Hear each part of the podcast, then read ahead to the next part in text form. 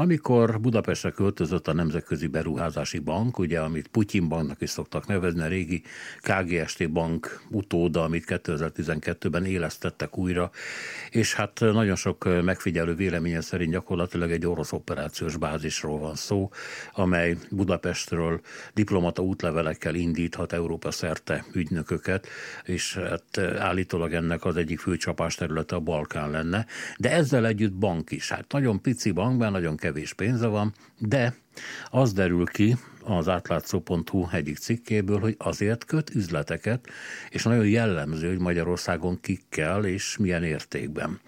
Itt van velünk ö, ö, Kőműves Anita, az átlátszó.hu munkatársa, a cikk szerzője. Jó reggelt kívánok! Jó reggelt kívánok!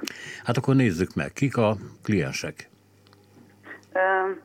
Hát igazából én azért próbáltam egyáltalán megnézni, hogy kik voltak eddig a kliensek, mert azért az is érdekes szerintem, hogy Magyarországon ebből ki profitál.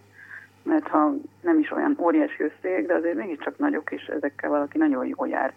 És persze olyan neveket találtam, akik, akiket megszoktunk tulajdonképpen, mert hogy a kormányjal közeli kapcsolatban vannak, tehát nem is volt meglepő alapvetően, hogy a MOL-t megtaláltuk a listán, a MOL kapott egy kölcsönt a ettől a Nemzetközi Beruházási Banktól már a takarékbankon keresztül helyez ki a bank Magyarországon, hogy helyezett ki 4 milliárd forintot, akkor megjelent a MET, a gáz üzleteléssel foglalkozó MET, amelyről nagyon sok cikk megjelent, hogy a korrupció melegágya volt az az üzlet.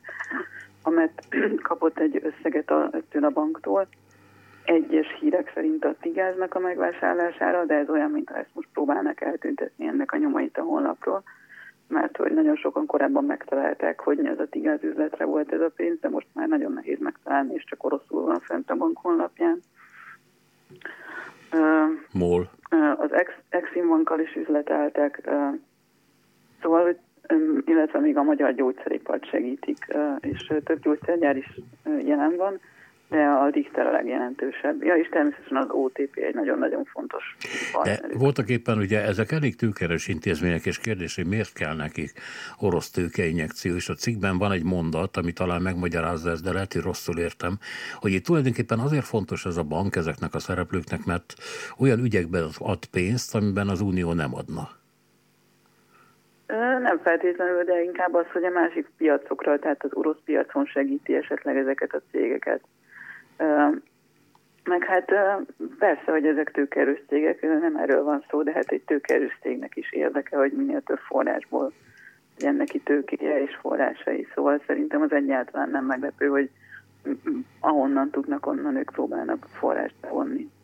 Jó, tehát az megalapítható, hogy a az orosz bank Magyarország ügyfelei a kormány közeli cégekből kerülnek ki, vagy azokkal, melyekkel a kormány jó kapcsolatban van.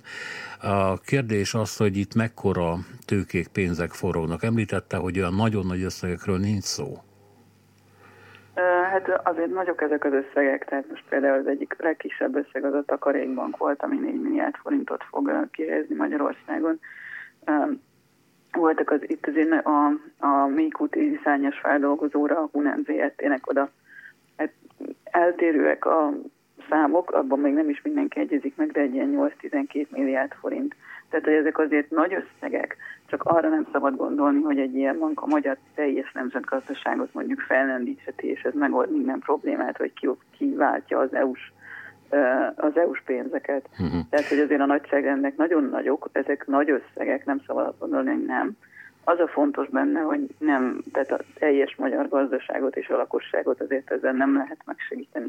Tehát nem arról van szó, hogy ez az országnak lesz egy hatalmas felendülés, ez hatalmas felendülés lesz azoknak, akik üzletelnek vele. Köszönöm szépen, hogy itt volt velünk. További jó reggelt! Köszönöm szépen. Kőműves Anitát hallották az átlátszó.hu munkatársát.